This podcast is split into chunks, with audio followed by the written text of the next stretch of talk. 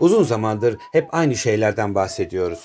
Üstelik aynı olmadığı konusunda da o kadar çok ısrarcıyız ki.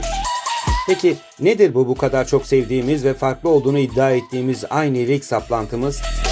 Muhtemelen kendi kapalı dünyamızda kapalı olarak kurduğumuz iletişim şeklimizin oldukça önemi var bu hususta.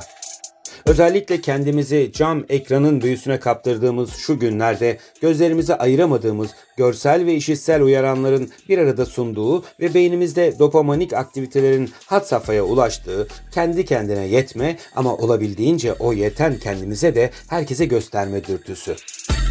Bizi kendimizden çok başkasına anlatma girişimciliğimizin en önemli kısmını oluşturan bu büyülü ekrana neredeyse günümüzde bu dünyadan göçüp gittiğimiz vakit ikinci bir ben olarak yaşayacakmış gibi davranıyoruz.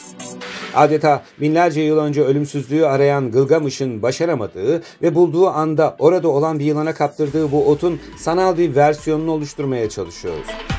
Fakat insan hep güneşli güzel günler yaşamıyor öyle değil mi? Yağmurlu, fırtınalı, zelzeleli, heyelanlı günlerin varlığı da bizi oldukça heyecanlandırıyor.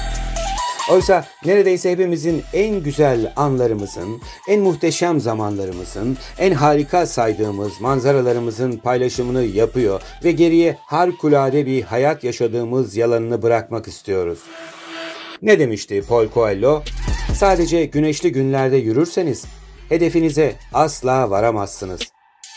Konunun başında hep aynı olmaktan, hep aynı konular etrafında dolanmaktan, hep aynı şeyleri düşünüp farklı sonuçlar bekleme yanlışından bahsetmek istemiştim oysa. Konuyu girizgaha bağlayacak olursam, aynı olmamız gereken konular adaletli olmak, erdemli olmak, dürüst, bilgili, fedakar, özverili, çalışkan, güvenilir olmak gibi fazileti menkul olanlar. Yoksa farklı olduğunu düşündüğün ama evde, işte, tatilde, köyde, kentte hep aynı kelimeleri kullanarak, hep aynı ilgi alanlarından bahsetmek mevcut varlığını darlamaktan başka bir işe yaramaz.